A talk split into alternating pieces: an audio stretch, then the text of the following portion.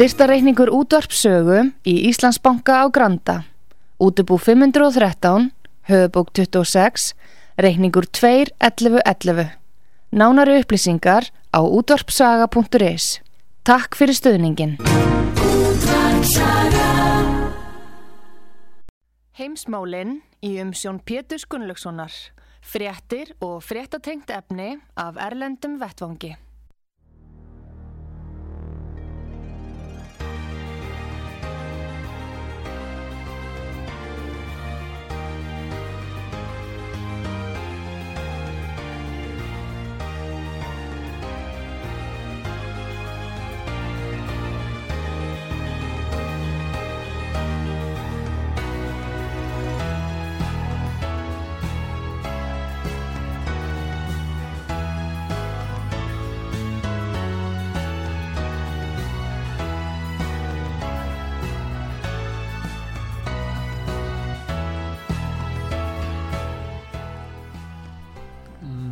Góðir hlustendur, þið er að hlusta á útvart sögu, ég heiti Pétur Gunnlaugsson og ég ætla að ræða mann Gustaf Skúlason, fréttamann útvart sögu í Svíþjóð. Sæl og blessaði Gustaf. Já, konti nú marg blessaði Pétur og hlustendur útvart sögu. Nú við ætlum að byrja í Úkrænu og það lítur þannig út Gustaf að Herin í Ukrænu á undir höggasækja, hann er í erfiðru stöðu og er að svona tapa orustum í östur hluta landsins. Já, þeir fóru, þeir flúðu eða fóru undanhald frá uh, þessari borg sem heitir Severjón Donetsk Já. og svo, svo eru harði bardaga núna í annari borg hann en uh, þeir sögðu það Sergei Hadai yfirmaður hersins í Luhansk hann sagði það að það tilgangslust að vera áfram á þessu stöðum sem hafa verið tættur í sundur í marga mánuði og e, þannig að hann notaði það sem, sem sagt, e, ástæðu bara að það væri ekkit eftir til að vera við sko. En þeir eru ekki búin að fá þessa, þetta eldflöga kerfi frá Evrópu eða Bandaríkunum ennþá, er það?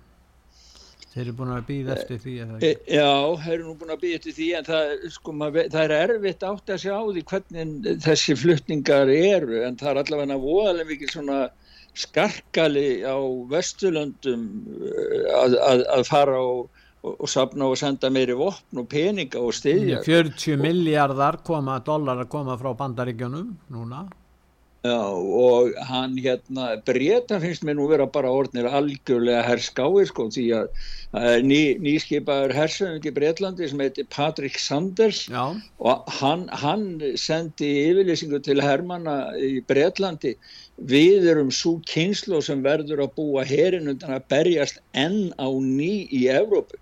Í Breitlandi þá eru þeir að undirbúa hérin undir það að fara að berjast á meginlandi Evrópi og hann segið það í þessari tilkynningu, samkvæmt þess sann það er afar mikilvægt núna að skapa hér sem getur barist með bandamennum okkar og sigrað Rúsland í stríði. Já. þannig að sko og, og Boris Johnson hann, hann var með bara dónalegt tal þar sem hann sæði að sko að Ókræna ætti að gera neitt svona, sko hann sæði shit í díl sko Já.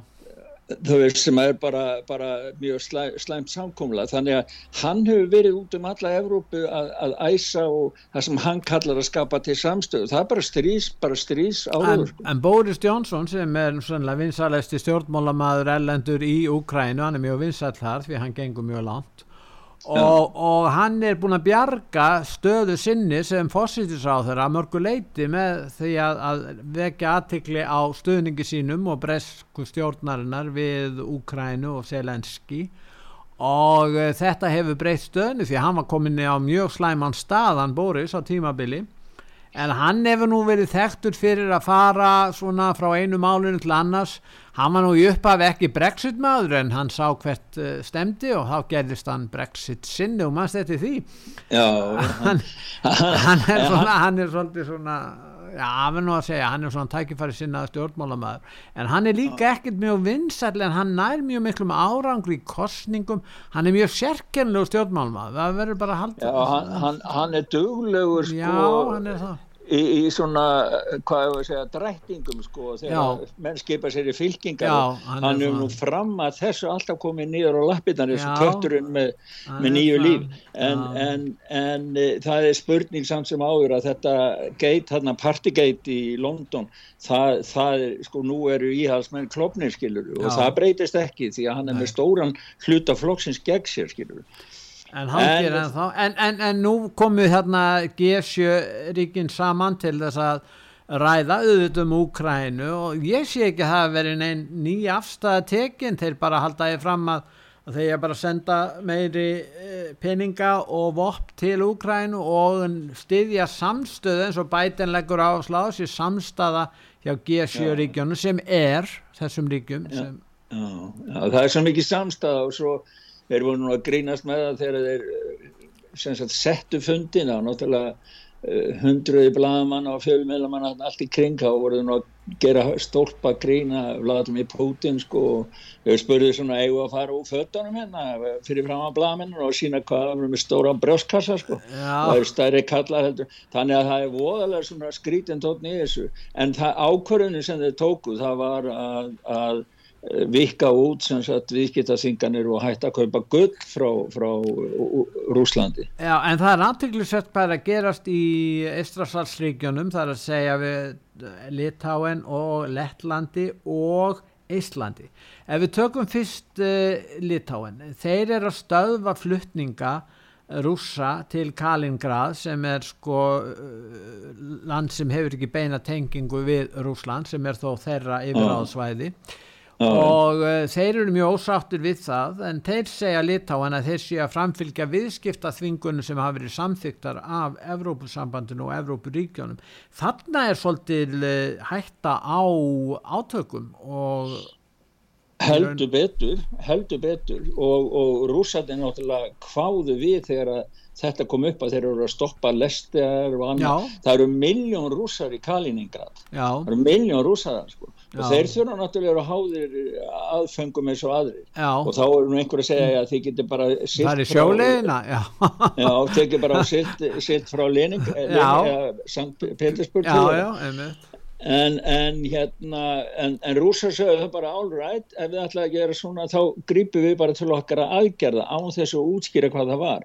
Og ég var að sjá núna frétt bara nýlega að það verist eitthvað hafa svona komið smá higg á það í litáin því þeir voru eitthvað afsakað þetta gildi bara yfir einhverja vissa vörur ann og þeir hefðu nú alls ekki stoppað þetta sko.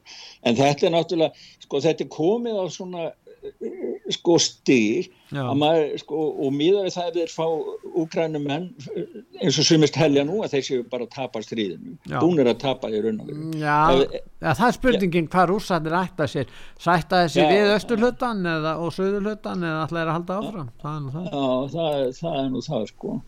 En, en, en eh, þú veist þannig að það er sko, það, það er eins og að það stefni bara allt fram á við og ég skrif, þýtti nú eina grein hérna eftir gamlan kunningja út af sögu hérna eh, Paul Craig sem er fyrirverandi fjármálar á þeirra í þegar Já, aðstæðafjármar Reykjastjórninu og Já. hann hérna hann segir sko, hann skrifar um hann sagðist að hafa skrifað mjög snemma að það væri ekki hægt fyrir að rússar hefðu mistæmt sig að fara inn og vera með takmarkar hernaðaragjari, það væri ekki hægt vegna ástandsins annars vegar sem var í Úkrænum með bandarækjumenn þar og, og vestuveldin þar innblönduð.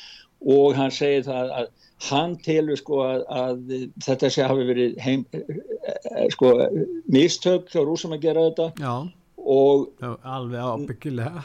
Já, og núna standi sko vestu veldin eða Evrópu, Evrópa standi því sko eigum við að fara að eiðilegja Evrópu Já. eða hægt að taka móti greiðslum frá bandaríkjumunum til okkar sko. Já. Hann segir það að það séu, hann gaggrínir harðlega það sem hann kallar ný íhalsmenn e, geðinga sem að, hann- hann segir að hann er farin að ráðuneyti- tengja neokonservatífana við gýðinga líka þetta er farið að verða svolítið svona átaka Já. mikil umræða væga sagt skilur Já, það er það sko. Já. En það er aðtökk því ég var að tala um, um þessi ríki við Eistrasalsríkin Já, og, þarna já. vorum við að tala um Litáin. En svo er það Eistland, því að fórsettisráður Eistland sem er nú kona, hún hefur líst í yfir að það væri ekkit svo hægt að treysta á varnir allarsasbandalagsins endilega. Því að ef að rússarnir ráðist inn í, inn í Eistland, þá hérna þá hérna hérna er ekkert vist að, að þeir hérna fari eftir eða virði 50 grein allarsarsamkumulagsins bandalagsins Já, hún, hún, vir, hún virðist hafa bara kannski er þetta meðvita gert hjá henni því að hún ætlar að ná góðin samlingum þeir eru að hittast núna í NATO í Madrid á morgun já, einmitt, þeir farað hanga já. Já, og kannski er þetta meðvita gert hjá henni en eh, margir segja það að hún hafi bara óvart uppljóstrað áallunum NATO. Því hún sagði það að viðbræðar áallun NATO væri ef að Rúsland myndi ráðast á Ísland þá myndi þeir ekkit gera neitt í sex mánuði Já. og þá sá hann, eftir sex mánu þá verður ekki neitt Ísland til. Nei, við erum búin að útrýma þeim og menningu þeirra. Allt saman, hún, hún notaði orðin sko bara afmá af landakortun Já, já. Þannig að, og, og, og svo nýlega þá sagði til dæmis Viktor Orban, fórsættisraður, hann, hann, hann segir að þetta væri meir og minna tilgangslegust trygging að vera, vera aðili meðlumir í NATO því að NATO veri okkur ef við getum varað okkur sjálf og þá Já. getur maður að spyrja sig ákvarðan að vera þar? Og svo er það sem að Pól Kreg skrifaði líka sko og fleiri. Það var hérna eitt sem að heitir eh, eh fyrirvirandi leinu þjónustumæður og eftirlýstmæður saminuði þjóðana eh, sko sjá hvað Já, hann heitir, hann heitir Scott Ritter Já, Scott Ritter já. Já, hann er mjög gaggrinn á þetta og hann vil meina það að sko NATO hafi raun og verið ekkert við, við eh, Sovjetryggjana að gera svona í hefðbundu stríði. Rúsland, já. Já, já, já Rúsland fyrir, já.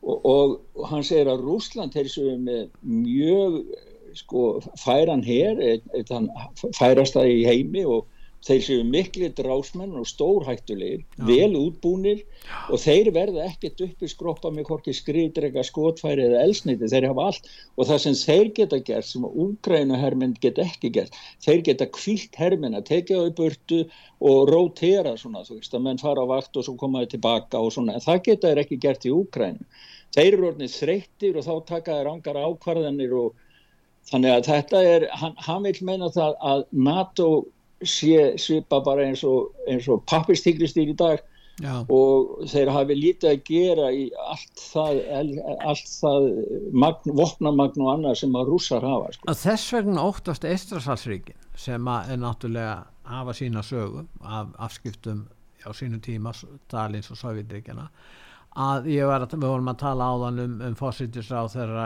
Íslands og síðan þetta sem gerist í Kalingrad og, og þeir voru á staða en svo er það Lettland, þriðjaríkið þeir vilja eiga viðskiptu við Rús og er að kaupa gas núna frá Rúslandi ég meina það er eitthvað að gerast hjá þessum eistrasalslöndum, það er eins og þeir treyst ekki því að, að NATO geti varið og eða vilji gera það þegar á reyni þeir treyst, í raun og verið treyst það er ekki bæten, ég held að það sé málið Já, það, það getur nú verið það, og það gera nú sífælt færri líka á, hans heimaslóðum sko. þannig að, að og, og það eru eins og hann sæði þessi skott eh, að hann segi það sko að bandaríkin staða bandaríkjana sem númer eitt með upp, svona virðingastaða og maður hlusta á hvað þeir komið með hana, það sé búið. Það sé ekkert fara eftir í Putin var vist með, með langan bladmannafund núna í St. Petersburg uh, fyrir helgina. Já, og hann, hann, það sem hann hálfpartin bara lísti því yfir að þeir varu búin að segra í Úkrænu sko. og, og skilst mér, ég hef nú ekki, ekki, ekki kynnt mér það alveg, alveg nægilega vel en mér skilst það. En, en, en hann bara segir bara bandaríkinn það bara gleima þessu og Evrópa það bara gleyma þessu það, það er að, líklega eru við að horfa á valda tilfæslu í heiminu þar sem þetta Rústland og Kína auksullin verður Já. sífælt mikilvægir í völdum heimsins. En, en rússarnir ráða svo litlu kynverðarnir gleipað á algjörlega rússana þannig að, að, að það verður nú erfitt. Kanski hugsa er til hreyfings að það er stór landsvæði sem hefur lengi verið deilt við um rússana hérna, en það er annar mál. En uh, hitt er annar mál ef við förum fyrst við nefndum Kína og, og Asíu. Þá hefur komið í ljós núna á síðustu dögum þá hafa margir farið frá Hong Kong til uh, landa eng, engilsaksnesku landana Breitlands, Kanada uh, Bandaríkjana og, og, og Ástralíu. Og það er aðteglisvert að fólki er að flýja þaðan og það er kannski vegna þess að kínverski kommunistaflokkurinn hefur tekið breyta stefni í Hongkong síðustu misseri, við vittum það Já. en síðan er það Tæfan sem enginn talar um vegna þess að það er mikill landflótti frá Tæfan, það er margir að yfirgefa Tæfan og Já, það mér- bendir já. til þess að margir treysta því ekki þó að bætin hafi líst í yfir eða ætla að verja eiguna ef að kynverjar ráðast þarna inn og það er náttúrulega stórmál þannig að, að þetta er ekki bara spurningum að Eistrasalslöndin eru farin að, farin að segja ímislegt og gera ímislegt sem að sem er kannski ekki í samræmi við stefnuna sem að NATO hefur þó fyllt svona í grundvallaratriðum. Heldur í Asju líka eru bandamenn bandaríkjana að, að efast og þá er spurningum Söðu Kóri og Japan sko hvernig þeir Já. líta því að Japan hefur þó að sé öflugt ríki og þriðja mesta efnahagsveldi heims þá eru þeir ekki með nægilega öflugan her til að taka á móti því ef að kynverjar, ég er ekki að segja að kynverjar eru að sækja neitt ángað en, en, en það er eins með Suður Kórea, þeir eru skítrætti við Norður Kórea og spurningin er, bandaríski herin er til staðar í Suður Kórea þannig að það er kannski öðruvísi staða. En allt þetta er einhvern veginn óljóst og óvissa ríkir hjá bandamönnum bandaríkjana sennilega vegna þess að þeir treyst ekki núverandi ríkistjórn í, í Washington. Já, og það, sko, mér skil, það eru sumir sem fullir að það, reynt bara beint út, að kynverða séu búnir að taka ákvörðunum um það að taka, þetta sé bara tímaspursmál hvernig það er slá til. Og það er akkurat að grundallast á því að bandaríkin eru svo ve ve veik, sko, og með svo veikan fórseta og þá, þá, þá e, gera þau það, þá, þá náttúrulega er þessi valdastað, þá er bara, erum við bara að horfa upp á bara umskipti í öllum heiminum, sko. En það er aðteglisvert að rúblan er að styrkjast en rú- eiga rússar erfitt með að standa við skuldbindingar sínar. Það voru skuldabrifa falli í einn daga núna og þeir gata ekki greitt af þeim sem eru frekar óvinnilegt fyrsta sinn síðan að byltingin varð á sínu tíma já. eða, frá eða annars já, Já. þeir hafa vist tvisar sem einu sinni eftir það en en það, en komið, var- það, það var fallið í gjald en nú er komið á einn daga og þeir verða að greiða og, og það er spurning hvaða áhrif þetta hefur en að hins vegar er rúblan að, að, að slá öll með vantar, vantar það á dollara og, og evru til að greiða af skuldbindingu sínum eða eru þeir, já það er spurning Já, það er sko, krafan er að þeir, það er ekki, sko, sko þeir eiga nú að pening og þeir eru með mjög látt eh, hlutfall af ríkiskuldi, mann er hvort af 14 eða 17%, mann ekki alveg hvað það var, en, en sem er mjög, mjög látt samanbúrið við önnu lönd, þannig að þeir eiga nóga peninga, geta alveg borgað þetta, en krafan er að þeir borga þetta annarkvort í júró eða dollur, en þeir segja að þeir vilji bara borga þetta í rúblum eða kímuskum Já, skuldabrefin gang út af það þeir borgi í dollurum eða rúblum. Þannig, Já. þannig að þeir eru þannig að þetta er voðalega mikil svona eh, leikur köttur og mús finnst mér Já, já, en þeir standa nú svona. En það er hins vegar aðteglisverð þarna frétt sem kom frá þér í sambandi við, við sko tjáningafrelsi við höfum nú reyndar verið að tala mjög mikið um tjáningafrelsi hérna á útvarpisögu og Já. þar sem við viljum auðvitað ólík sjónamenn heyrast enda hafa þau heyrst fyrir, og já. sumum finnst, finnst að vera og gaggrína fyrir það. En þannig er þýsk fréttakona hún er uh, lögsótt og, og hérna uh, vegna þess að hún er að byrta fréttir frá austur Úkrænu sem að stjórnvöldi í Þýskalandi eru ekki ánaði með. Ég meina þetta er svolítið Já. óvennilegt finnst mannum að þjóðverjar skuli ganga svona langt að þessu leiti hvað segir um þetta mál? Já, ég, ég fekk að lána þessa grein, það var nú vinnur okkar og góðkunningi út að sögu Hallur Halsson, og Já, hann sem að- byrti þessa grein á Facebook og ég Já. fekk uh, með góðfúsilegu leifi að byrta hana sko. En þetta er akkurat svona dæmi hún er bara að segja, hún var þarna í Donetsk í Donbass héraðan í Östur-Úgrænu Já. og, og hún var með frétta þátt í Neues aus Russland um, um Donbass og þá er hún bara að segja sannleikan það sem að fyrir augum hennar ber viðtali við fólk og hún er að segja frá þessum árásastriði sem að veri frá 2014 þá er ekkert annað en það að hún er kærið af þýskum saksóknara í Luneborg í neðra Saxlandi fyrir að flytja frétt, þessar fréttir þannig að og hún á yfir höfði sér verður hún dæmt alltaf þryggjar á fangelsi þannig að sko þjóðver eru, eru komnir í gamla gýrin sko þeir eru bara farnir að sortera hvað má segja og ekki segja sko. Þannig að þetta er alveg, alveg svakalegt sko. Þetta er náttúrulega árás á, á bladamennskun og tjáningafrelsi og það er bannað, það er eins og hér, það er í Evrópsambandsríkjunum að það er bannað, allar rúsneskar eh, fjölmjöla stöður eru bannar og það sem við sendu á, á, á Þísku og annað, þetta var alls slört á þessu öllu saman. Það er, Vesturlöndin þau eru að einangra sjálfsík, þau þól ekki lengur umræðina og bara, það er bara, bara áróður sem ég veit ekki hvað þau eru að undirbúa eiginlega að það má, ég meina að hugsa þetta það, þá ekki einu svona fallað fólk taka þátt, rússar taka þátt í, í, í hérna alþjóðamótum, íþróttamótum fallaðra. Þetta er náttúrulega, þetta er bara, ég meina það var aldrei gert farið svona með, með, með Hitler eða Þískland á sínum. Nei, En uh, ef við förum, við skulum fara til Evrópusambansins, fara inn frá, frá Úkrænu og, og þau máli, vandamáli og Já. þá er spurningu stöðu Evrópu. Nú uh, staða Evrópu í orkumálum er alls ekki góð og þá er spurningin hvað gerist í haust þegar að og næsta vetur þegar þeir þurfa sannala á gasinu og, og orkunni frá Úslanda að halda.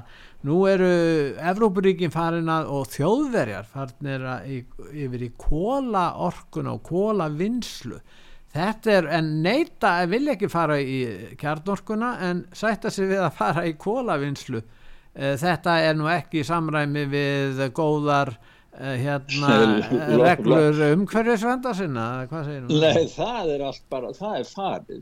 Og það, hann, hann er einmitt hérna uh, Scott Ritter hann, hann er líka hér. Ef maður heyra ljóðbút með honum?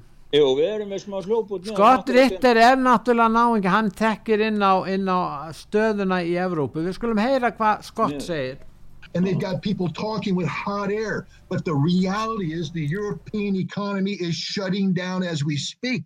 They don't have 210 billion euros to invest in anything. Renewables, Germany's going to be reopening every black smoke belching coal plant they have because that's their only option out of this out of this mess. There is no renewable plan. There is no plan. Europe's got nothing. They're fighting for survival and the Russians are still taking it easy on them. Já, hann bendir á að þeir hefðu ekki fjármunni í Evrópa til að kaupa endur nýjanlega orku, það er að segja vindmillur og sólarorku til dæmis frá Kína. Eh, og setja það allt upp, þeir hafa engal áallanir um það sem geta sko, breytt þessu á næstu árum.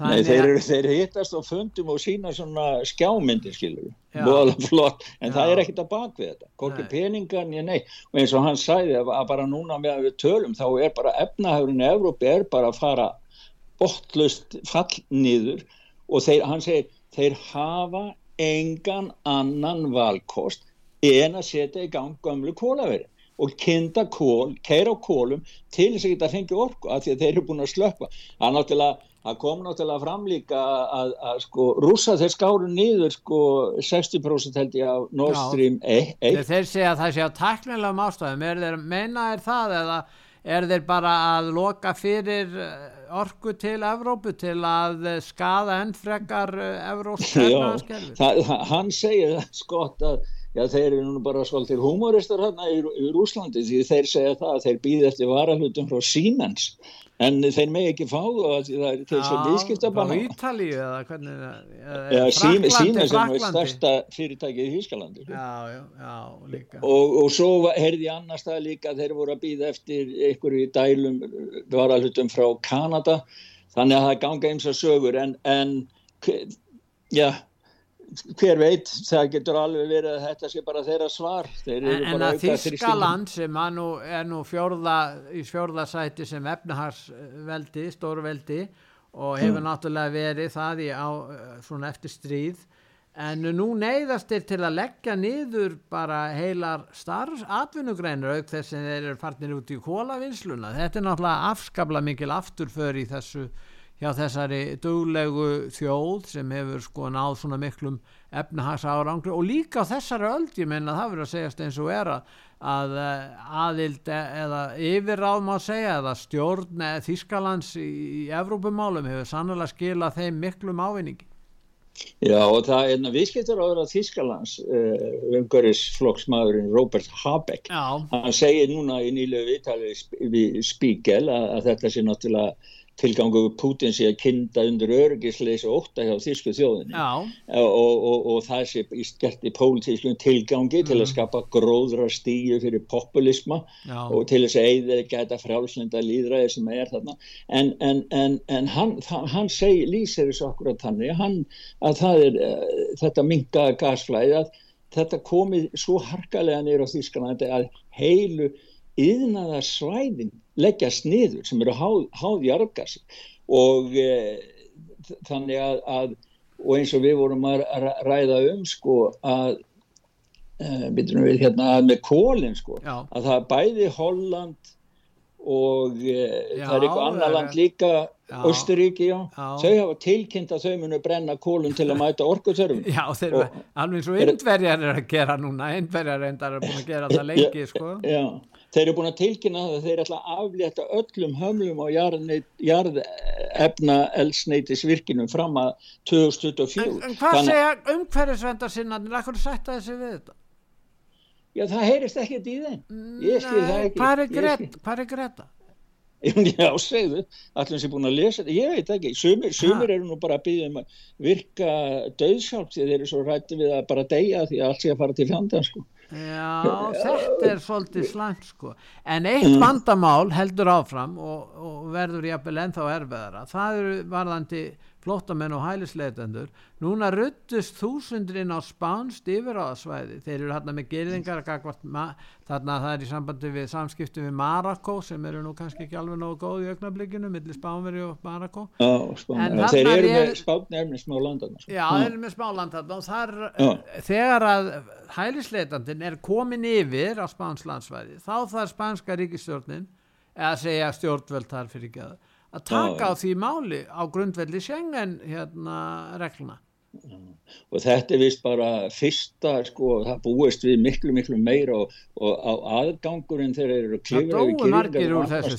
20-30 manns. Já, já degja fjölda manns á þessu sko. þannig að það, með, með, það lítur að vera ríkja mikil örvænting en þetta er allt saman kallmenn sko, ungi menn virtist mér á myndunum Nú við verðum að áðurinn við hverjum hérna svona meginlandi, við förum til Norðurlandana næst eftir hlýja, en við verðum að minnast mm. á hann Macron, hann, hann er ekki lengur uh, hérna, ef maður segja, uh, erðaprinsinn fyrir Evrópu lengur eftir þess að kostninga ósigur, þar sem að þjóðfylkingin Uh, fór úr 8 þingmönnum upp í 89 og fengið náttúrulega ennþá meira ef það væri hlutvalskostingar Já og það er náttúrulega þetta er svo sögulegur stórsigur fyrir þjóðfylgningur að meira tífald að fylgja sig þannig að sko ég hætti ímyndar með að þau ættu í vandraðum með að manna bara alla, öll ennbættin sem þau hafa unnið í kostingunum svona svipa eins og gerist hjá Svíþjóð í Svíþjóð. Eh, þegar þeir fengur sitt fylgi. En, en e, þetta sínir vilja sko franskra kjósenda að brjóta nýður makrón og brjóta nýður þess að stefna vera að færa aukin völd frá Fraklandi til Európusambansins það er, það er sko það er að vakna, það er vakningi gangi sem að, sem að virðist undiralda það sem vakti sá... það sem vakti aðteglum mína í þessum kostningum það er að vísu vinstra bandalagi sem var þarna, bandala vinstri manna Já. sem nýttu til að fá fleiri þingmenn sem var mjög skinsanlegt að þeirra hálfu og þeim tókst það að vísu. En sko málið er það þegar úslitin eru skoðuð þá kemur í ljós sangat kannunum að ungt fólk uh, kostningaþáttaka mjög lítil hjá ungu fólki. En hún var hlutfarslega mjög góð hjá þjóðfylkingunni það er að segja unga fólkið sem er að kjósa á annar borð það er að kjósa þjóðfylkinguna sem er í anstöðu við svona, það er um, það umræðu sem hefur verið. Þannig að unga fólkið í Fraklandi getur kosið þetta sem að fjölmyrðin kalla hægri öfgaflokk. Hvernig stelur það því? Já, já, nei þá, þá, þá er æskan að ranka við sér. já, hluti hennar minn sko já, hluti hennar já. að ranka við sér og það, er greinilega einstaklingar sem að vilja þá taka málin eigin hendur og gera eitthvað sjálfur sko. já, nú við skulum hlýða núna á auðlisingar og þið er að hlusta á útvart sögu heimsmálin, ég heiti Pétur Gunnlaugsson og ég er að ræða við fréttamann útvart sögu í Svíþjóðan Gustaf og við ætlum núna að hlýða auðlýsingar en eftir auðlýsingar hlýða þá höldum við umlæðin áfram og byrjum að tala um ástandi á Norðurlund. Heimsmálinn í umsjón Pétur Gunnlaugssonar. Fréttir og fréttatengt efni af Erlendum Vettvangi.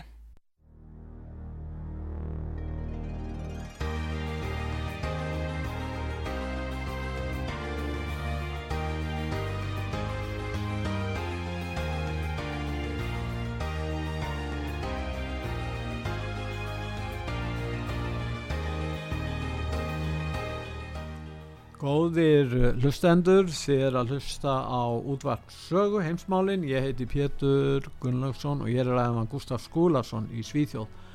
Gustaf, við ætlum að fara til Dan Danmörk, er svona afst á listi í ögnablikinu. Þar er stjórnmálakona Inger Stöyberg, hún var í venstri sem er nú eiginlega svona einhvers konar hægri flokkur þarna í, gamli bændaflokkurinn. Og þeir eru nú öflugast í flokkurinn borgarlegi flokkurinn í Danmörku. Hún var rekin þann og fór í fangelsi í, í, í, nokkra daga hún ætlar að stopna núna, núna nýjan stjórnmálaflokk í Danmörku. Hvað segir um það? Já, hún, hún hérna, eftir að hún afplánaði 60 dagar fangilstóm ég þá fyrir það að hafa stöðva barnabarúköpni að limfliti aðskildi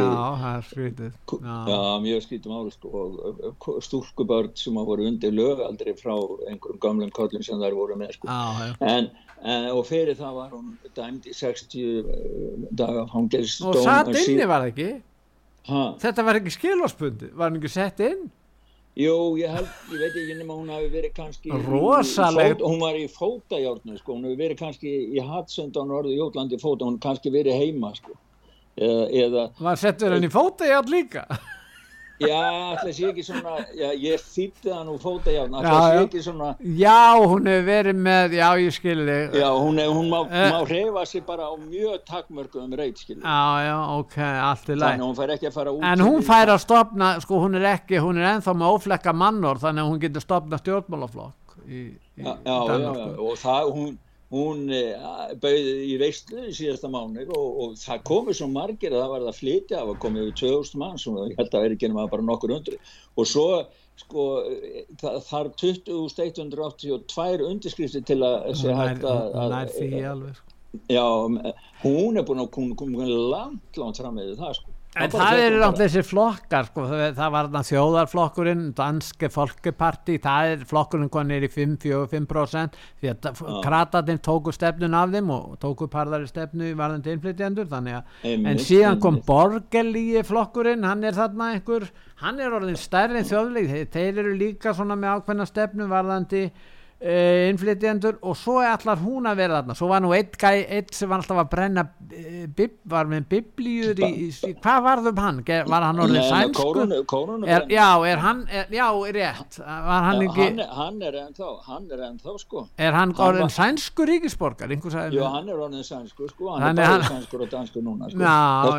þetta er ekki stoppa þegar þóður hafi nú reynd að gera það sko sínu tíma eitthvað en, en nei en, en, en flokkurinn hennar Stauberg hann heitir Danmerkur Demokraterni sko. Já eins og sænsku demokraterni Já. Já Danmerkur Demokraterni sko.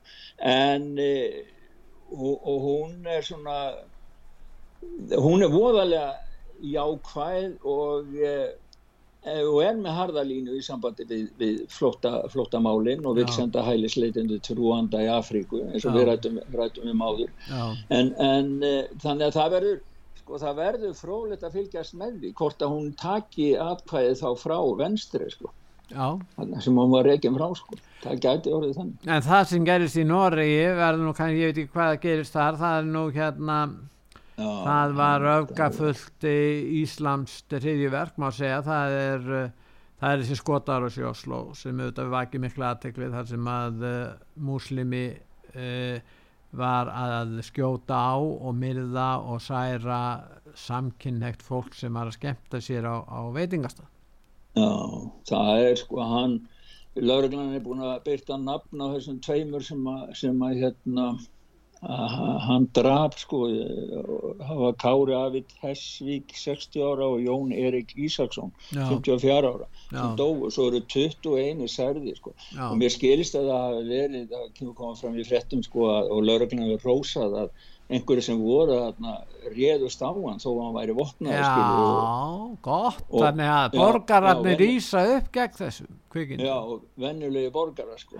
En þeir vissu ekki, sko, það kom ekki fram fyrir lögreglun var búin að fá meiri vittnesku um hvað þetta var. Þeir þor, vildi ekki segja í byrjun hvað, hvort þetta væri hríðverk eða einstaklingur. En svo sögðu þeir bara alveg ákveð, þetta er hríðverkamaður því að hann var, hann kemur í ljós eftir á að lögreglan vissu um hann. Þeir töluðu síðast við hann í mæ, í ár, massiða mæ. Eftir eitt lörglunar hefur ekki skipt miklu máli.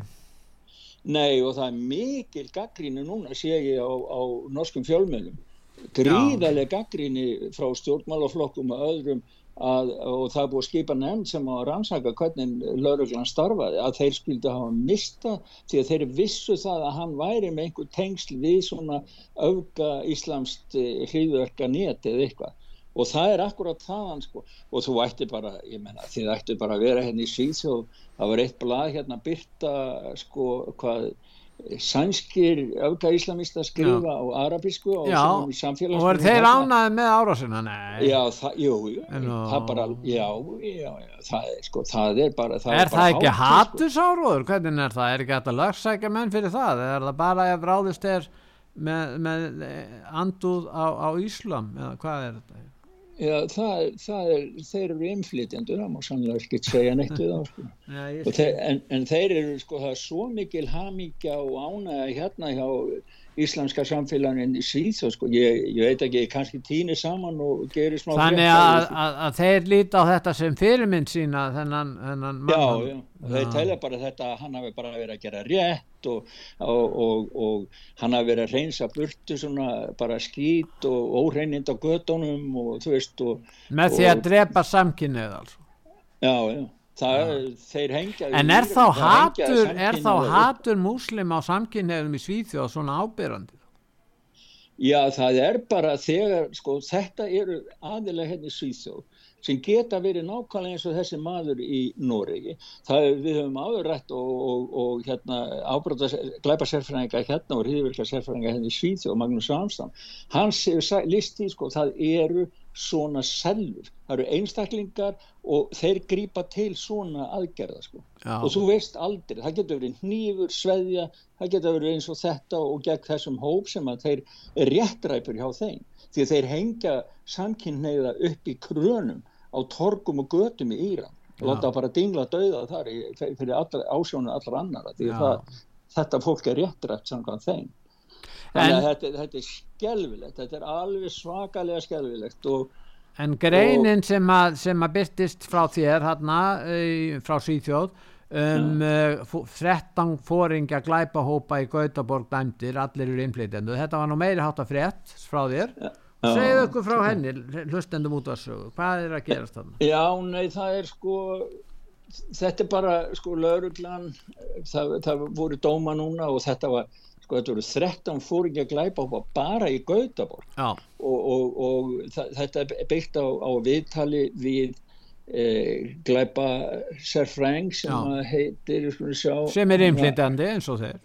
Já, já, Amir Rostamis, já, Já. hann, hann, hann kemur frá Íran eða Írak, og hann sagði það sko, hann er að lýsa því hvernig þess, þetta umhverfi er sem að glæpamennir alast upp í og ákvöru hvernig börn taka við af eldri bræðrum, bræðru taka við af feðrum sínum þegar þeir eru skotnir Já. og þetta er bara svona eins og fjölskyldu fyrirtæki sem gengur í, í, í, í, í erðu og hann segir það að sko margir af þeim velji, þeir velja að verða glæpamenn vegna þess að þeir vilja fá snögga fljóta peninga sko og spennu og fljóta peninga Já. og svo eru til dæmis í sko rapparar hérna eins og maður- við nú stundur að- að sko, sænskir fjölmjöla hérna, þetta er spilað, þeir fá verðlun og þeir eru að mála upp svona rómatíska mynd af því að vera glæpamaður og Já. ganga um með byss og drepa sko. Þannig að, að sko, Það sé miklu skemmtilega að vera glæpamaður heldur en að vinna frá nýju til fimm í einhverju tilbreytinga litlu starfi. Ha. já, um, sko. og svo er annað sem að mér finnst sko, sko þegar að vera er að ræða sko, nú er þetta glæpamenn Já. og bursið frá því hverja þjóðar eru hvaðan þeir komu Já. þá finnst mér að það er að láta nöfn og segja hverjir eru glæpamenn Já, svo fólk getur varist en þá koma kemur uh, sko, rétt rúnaða fólkið og Já. ásakar mann fyrir að vera rasista fyrir að, að tala um það að innflytjendur geta verið glæpamenn Nú, og þetta fólk Já, þetta fólk, það sér ekki munin á innflytjanda og innflytjanda. Hjá þeim eru allir innflytjandar einn hópur og ef maður liftir einhver innflytjandi gerir glæp þá er maður rasist að því maður er að segja frá því. Þetta fólk, þetta er hinn raunverulega hatusumræða í, í, í samfélaginu í dag. Því að maður er að eigðilegja fyrir góðu innflytjandunum að vinna saman með, með, með innfætum þá, ef maður vil hafa það þannig, gegn slæmu innflytjandunum og Heið- öllum glæpamann. heiðarlegir innflytjendur vil, vilja að það veri tekið á svona glæpahópum því þetta kemur vondu orði á þá Ég get sagt þér það, þá, fyrir mörgum mánu síðan þá var kveikt í bílum hérna og voru eitthvað svona hérna í Stokkólum á Norðurlínum að fara og kveikt í bílum. Það var kveikt í bíl, bíl hérna á, á, á bílaskílinu, hérna, bílastæðinu hérna fyrir utan það sem ég er bíl. Og ég fór út og það af innflytjundu hérna. Við vorum ekkert að spá í það hvað við komum með annað. Nei. En þetta lendir á innflytjundum sjálfum. Já, já Þetta, þe- þessir En- en- vondu innflytjundur eigðilegja fyrir, fyrir góðu innflytjundur. En það kom einmitt grein fram í sambandi við e, e, pólitíska réttöksunina sem þú varst að minnast á og vísa í að Já. nýkönnun í Svíþjóð kemur fram að yfir helmingur Svíja segjast ekki geta tjáð skoðanir sínar á frjálsan hátt. Þetta er atriði sem að, að, að tengist auðvitað þessu sem þú varst að segja. Segja okkur frá þessari frið. Já, það er ný konu núna, ég þannig að bara ná í, ná í þessa frétt en, en þetta var sko tveir professorar í Uppsala háskóla uh, í samfunnu við uh, rannsóknarkonuna fyrirtæki SOM í, í Gautaborg. Já, og þeir spurðu, þeir spurðu fólk sko, uh, þeir báðu fólk um að setja upp hvaða hópa, þeim, hópa í samfélaginu þeim lí, mislíka við séð út frá skoðunum og þá var Svíþjóðdemokráta voru efstir og síðan komu uh, þeir sem eru á móti fóstureyðingum og, þeir máttu ekki og, tala. Nei. Nei, og, og þa það kemur í ljós að sko, ég vil reyna að ná í þessa frétt, ég man ekki alveg ég að finna hana, en, en, en e, það voru sko 20%, já hérna kemur þetta, 20% vildu sem sagt að það ætti að taka málfrelsi Af, af þeim, þeim, því fólki sem að höfðu aðra skoðareldur en þeim mislíkaði við. Já, og prófessonin hann sagði það að þetta væri alveg einstaklega hátt og síndi hvað líðræðið í Svíðsjóð er brotætt þegar fólk getur ekki rætt saman Nei. heldur við bara afnema stjórnarskrábundin mannréttindi af öðru fólki sem það er ekki sammála. Og þegar mér finnst þetta lýsa mjög vel eh, sko þessum, þessari heift sem er í umræðin En það er ekki bara heift, það er heimska vegna þess að ef að sósir segjum svo að þetta takist að, að einhverjum tekst uh, og er að gerast að pólitíks réttugsun kemur í vekk fyrir tjáningafræðs og skerði það verulega. Þá munir nýstjórnvöld sem eru kannski á annari skoðun, þeir munir þá skerða tjáningafrælsi anstæðingar sína líka. Svo, ekki, þannig að sósildemokrata geta staðið uppi með það að einhverju öfga hægri minn komist til valda og þá segja þeir bara það er alltaf að skera tjáningafrælsi það var gert að pólitískri réttugsun, við getum alveg gert það Þetta er svona svipað á þeirra fasistandir sögðum kommana. Ég meina kommanir stiðja ofbeldi stjórnmálum, akkur ekki við líka, skilur þú? Ég meina Já, þegar þú það- komin á þessa braut, þá Já, náttúrulega fer allt í uppnám. En Þeir skilja Já, það ekki, virðist vera. Er, er svona, Já, nei, þeir, þeir sig ekki skilja það og, þe- og þetta er bara svona komið inn á svona svipað eins og þetta var í Þískalandi þegar Hitler komst til valda sko, og, og eftir hann, hann komst til valda sko. en það sem er sláandi og mér finnst sko alveg gríðarlega alvarlegt en jáfnframt talandi um hvernig ástandi er í þessu blessa landi sem ég á heima í, Svíþjóð, það er það að samkvæmt þessari könnun þá þorir helmingu svíja ekki að tjá sig sína skoðanir frjálst. Já. Þeir eru hrættur um annarkort að Helmingur. móðgængur Já. eða að þeir verði þeim verði refsa fyrir að segja Útskúfun, það eða verða fyrir hemdar Já. eða segja eitthvað. Hugsaði það helmingurinn af þjóðinni hérna Pétur þorir ekki að segja sína. Nei. Ég, ég, sko, það, það ég spáði því að það er eftir að verða gríðarlega mikla umræður um En sérðu hvað pólitísk réttusun hefur þá haft mikil áhrif? Já. að helmingur þjóðarinn að þorir ekki að hafa sína skoðun sjáðu Já. hvað, þá mun aðri segja já þetta er bara ansi gott, nú skal bara haldið áfram á þessari braut hvað reyndar þetta? Já, þetta, og það, til dæmis 64% vildu afnema rétt einstaklinga til að bjóða sér fram til embættis fórsættisráðara en það var á annari skoðan en þeir sjálfur ég meina, þetta er svo absúrt sko. 30 vilja banna réttinda einstaklinga til að taka þátt í friðsum mótmælum ef þeir eru ekki á sömu En, en svo geta þeir eins og Reinfeldt sem var eins og formaður og fósitsráður og formaður moderata var það ekki? Hann vill að fólksinnflutningun haldi áfram og hann telur það, hann hef, má hafa þá skoðun og ég er alveg sammála því að hann má hafa hvaða skoðun sem er þó hún sé raung og vittlaus og svo er það sænska kirkjan, hún vill innleiða fjölkvæni sem lausn á, á hjónaskilnuð þetta er alveg að koma frá málum þetta er tvær, tvær Já, þetta þetta er hans sem merkilega sko. Já, er að skrifa grein sko í kirkjublaðið og, En hvað sár- hvað segja feministar við því að ef, að í löndum eins og Svíþu að sé fara að mæla með fjölkvæni? Er það ekki orðið svolítið enginn ég, ég sé ekki tíst. Ég heyr ekki orð. Ég, það er bara það er, bara Það eru þetta- kannski þetta er- sænskir kvennprestar sem mæla með fjölkvæni Það vilja nú örgla fjölveri líka þeir vilja kannski hafa nokkra kalli kringu sig líka er það ekki? Ha, ég meina akkur ekki Já, sko, ég, ég skilir þetta ekki en, en sko í nafni kærleikans Já. þá er, er boðskapur kristindómsins talin e, staðlað svona, staðlað kerfi sem ekki lengur sé Nei. þannig að það er sko þessi prestar, þeir, þeir eru ekki hempun að verði, finnst mér skilur en, en það er nú annar handleikur En við, erum á, en við skulum fara frá Norðurland Skandinavíu yfir til Bandaríkjana og þar var nú ímislegt að gerast um helgina, sérstaklega þessi ákvörðun hæstiréttar á föstu daginn að, eh, hérna, eh, að færa valdið eh, til að hérna, ákveða fóstureyðingar yfir til kjósenda í fylgjónum frá dómstólunum. Dómstólar fara með dómsvald en ekki löggjafarvald, eh, Gústaf, eins og við vitum. Og og Missouri sem er nú fylki sem að var nú svona það var nú svona stutti nú demokrati gamla dag, nú er það orðað ansi raukt fylki og eitt af helstu sko stuðnisfylgjum uh, republikana og þeir uh, bönnuðu eða, eða takmörkuðu fóstureyðingar verulega og uh, við getum heitt í Donald Trump, hann var að halda ræði í Illinois sem er nú, Já, sem er nú núna fylgir fyrir það sem að republikanar, nei demokrata ráða flestu, en hann er komið þangað og held það ræði en var hlusta á hljóðbúti Já, hlustum á hann We've got some very big news, don't we? We have very big news. Maybe the biggest, right from the United States Supreme Court. Yesterday, the court handed down a victory for the Constitution, a victory for the rule of law, and above all, a victory for life. Congratulations and great time. We got almost 300 federal judges and three great Supreme Court justices confirmed to do exactly that.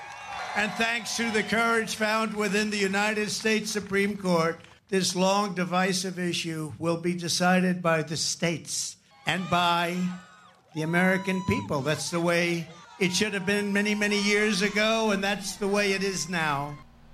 Já, þannig að hann talar um það að þetta verði til að styrkja réttaríkið og lífið og nú getur kjósendur ákveðið þetta framveg sem er alveg rétt, ég meina kjósendur í fylgjónum geta ákveðið það hvaða reglur eiga að gilda um fóstureyðingar og það verður ólík sjónamið þar en, en mér sýnist nú að, að þe- þetta mál þarna Mississippi kom, sem að var eh, tekin á, ákvörðun um þarna á föstudaginn og, og þeir vildu sko að fóstureyðingar væru ekki lefðar fyrstu 15 vikur meðgöngu skilur við Já, þetta var ekki bann þetta var ekki bann það var Nei, með já. því að 50 þannig að, að eh, það er verið að halda fyrir með þetta hafi verið bann. Þetta, eh, mér skilst að svona að, að þetta sé nokkuð útbreytt skoðun í bandaríkjunum að þeir myndu vilja miða við þessa, þessa 15 vikur. En er sum- sjálfsagt, sjálfsagt sko á, á marga vegu og við Já. fáum kannski að sjá sko mismunandi útfæslur á, á þessu málum og svo eru náttúrulega sko baráttu fólk fyrir eh, sko algjörum fóstureyðingum. Fram að fæðingum að, að bjóða sko peninga og fólk getur þá flutt komið frá ríkjum þar sem að er einhver takmarkanir eða banna skilur. En það sem vakti aðtegli mín að voru fyrirtæki voru að hafa, þá, að hafa skoðin í málunu og ætlaði að styðja þær konur sem vildi fara á milli þá fylgja en af hverju eru, sko, nú er þannig að, að ef kona verður ófrísk og, og vill hérna og, og þá segir fyrirtækja eða yfirmaðurinn í fyrirtækinu farðu bara í fóstureyðingu. Ég meina, skilur hvað er að segja ef fóstureyðingar eru lefðar að þá kannski hefur, ef, ef það væri ekki lefða fóstureyðingar þá gæti yfirmaðurinn ekki tala svona við hana en það er eins og þessi stórfyrirtæki vilji að þetta sé til staðar Akkur eru þeir að skipta sér á þessu? Já, það er nú það. Er, það, er nú það. Þetta er greinlega mikið viðkvæmt mál. Já, ekki, ekki hjá fyrirtækjunum. Þar er það bara business. Akkur vilja þeir hafa þetta svona? Já, það er nú góð spurning sko. Já, vel Disney, ég meina, ég meina það verður svolítið skrítið ef að ef að hérna ef, ef, ef að þeir eru með allt sitt badnaefni, akkur vilja þeir fóstureyðingar styðja það, ég meina hvað kemur það Disney við? Ég hefast um að Walt Disney hafi nú verið að styðja sjóna minn hjá þeim ha? Já, þetta hangir nú saman sko við, við hérna fem, fem baráttuna sko. Réttinda baráttuna sko og Disney hefur nú verið sko með þessa afturbata menning og, og bæði Disney, Coca-Cola og fleiri svona stór fyrirtækja að falli flöt en þau eru að koma tilbaka það hefur verið að snúa dæminu við núna. En það er aðteglisvert í sambandi við við erum nú eiginlega að fara en við verðum Já. að greina frá einum að það, það, það er í sambandi við hana Hillary. Hún ásakar Putinum fyrir kynferðislegt áreiti á fundi fyrir mörgum árum síðan. Hann satt gleiðfættur ég menna hvað er að ske? Hillary sagði þetta heitir á ennsku hún sagði það við þekkjum þetta hérna í New York sko í bandaríkjunum. Þetta heitir mansbreeding. Orðu tiltækja sem við þekkjum vel til í New York. Nei, hún var að segja það sko, það var sem sagt hans kynferðislega árás á hana, það var það að hún sagði það að hann væri að uh, hreyfa lappinnar og opna og loka og til að undirstryka á áhrif á fundunum. Já. Þetta, þetta er eitthvað nýtt leinum sem ég bara hef aldrei... Er hún fyrst að segja það á þessu núna? Hvað er hún fyrst að segja frá þessu núna? Hún, Já, hún er fyrst að segja frá þessu núna sko. og svo sagði hún líka það, þetta var sko fyrir mörgum áru síðan skil. svo síðan sagði hún það sko líka að, að Putin gæti aðeins unni Úkrænistýr ef Donald Trump vinni fórsetakostningarna 2024 hún er sko og býstum við að átökjum er því þá standi yfir þá alveg næstu árið þá eða? Hún gerir já, það fyrir því. já, greinlega býstuð með því en hún hefur bara aldrei borðið sitt bara Trump, Trump, Trump vannana og hún bara hefur bara ekki náð sér eftir það sko, því það var ekki Nei. til í hennar bókum um kvöldi þegar það var verið að telja en hann heldur um það að hómyndu vinnar Þetta var mikill sorgadagur hjá henni. En ef ekki að hlusta hérna á sumardansin með vikingonum hérna í Svíþjóðs Já, við sem ekki, nú bara þáttur um búinn maður, heyrðu, já. já Jú, nei, ég var að hugsa það, sko, einmitt út af, sko, það er nú suma núna, en ég búið að vera mittsómar hérna í Svíþjóð sem er nú stærsta háttíðin, sko, á síðustu helgi og dansa maður svona... Jónsmessan var núna fyrir... Uh, í kringu, kringu sumastöngina sko. og, og, og það er rosalega heitt og fínt hérna en sumadans það er fyrir alla langa, stutta, mjóa, breyða og jáfnveg gleiða fætur. Já, líka fyrir Putina Já, allir það ekki bara. Kannski hann takir eitt, eitt með Hillary bara, eitt dansbúr En við skulum að hlusta á sumardansin með vikingunum Já. Við höfum að ljúka þessu, þakka þið fyrir Gustaf Þakka þið fyrir Pétur, já, takk okay, fyrir.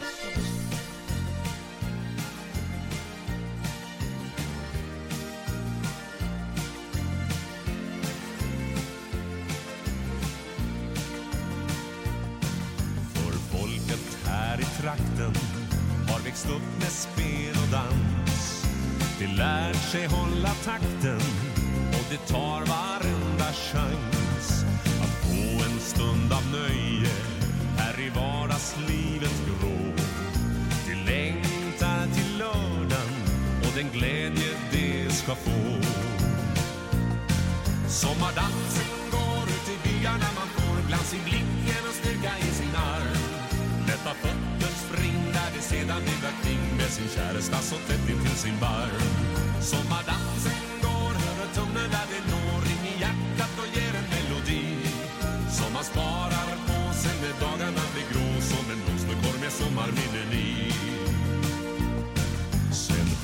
fram åt grinden då när solen stiger klar och där på logens tiljor en sliten skog blir kvar.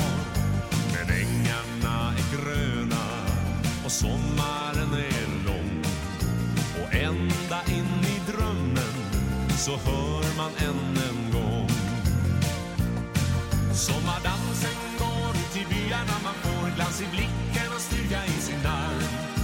alla fötter springade sedan virvlar kring med sin käresta så tätt intill sin barm.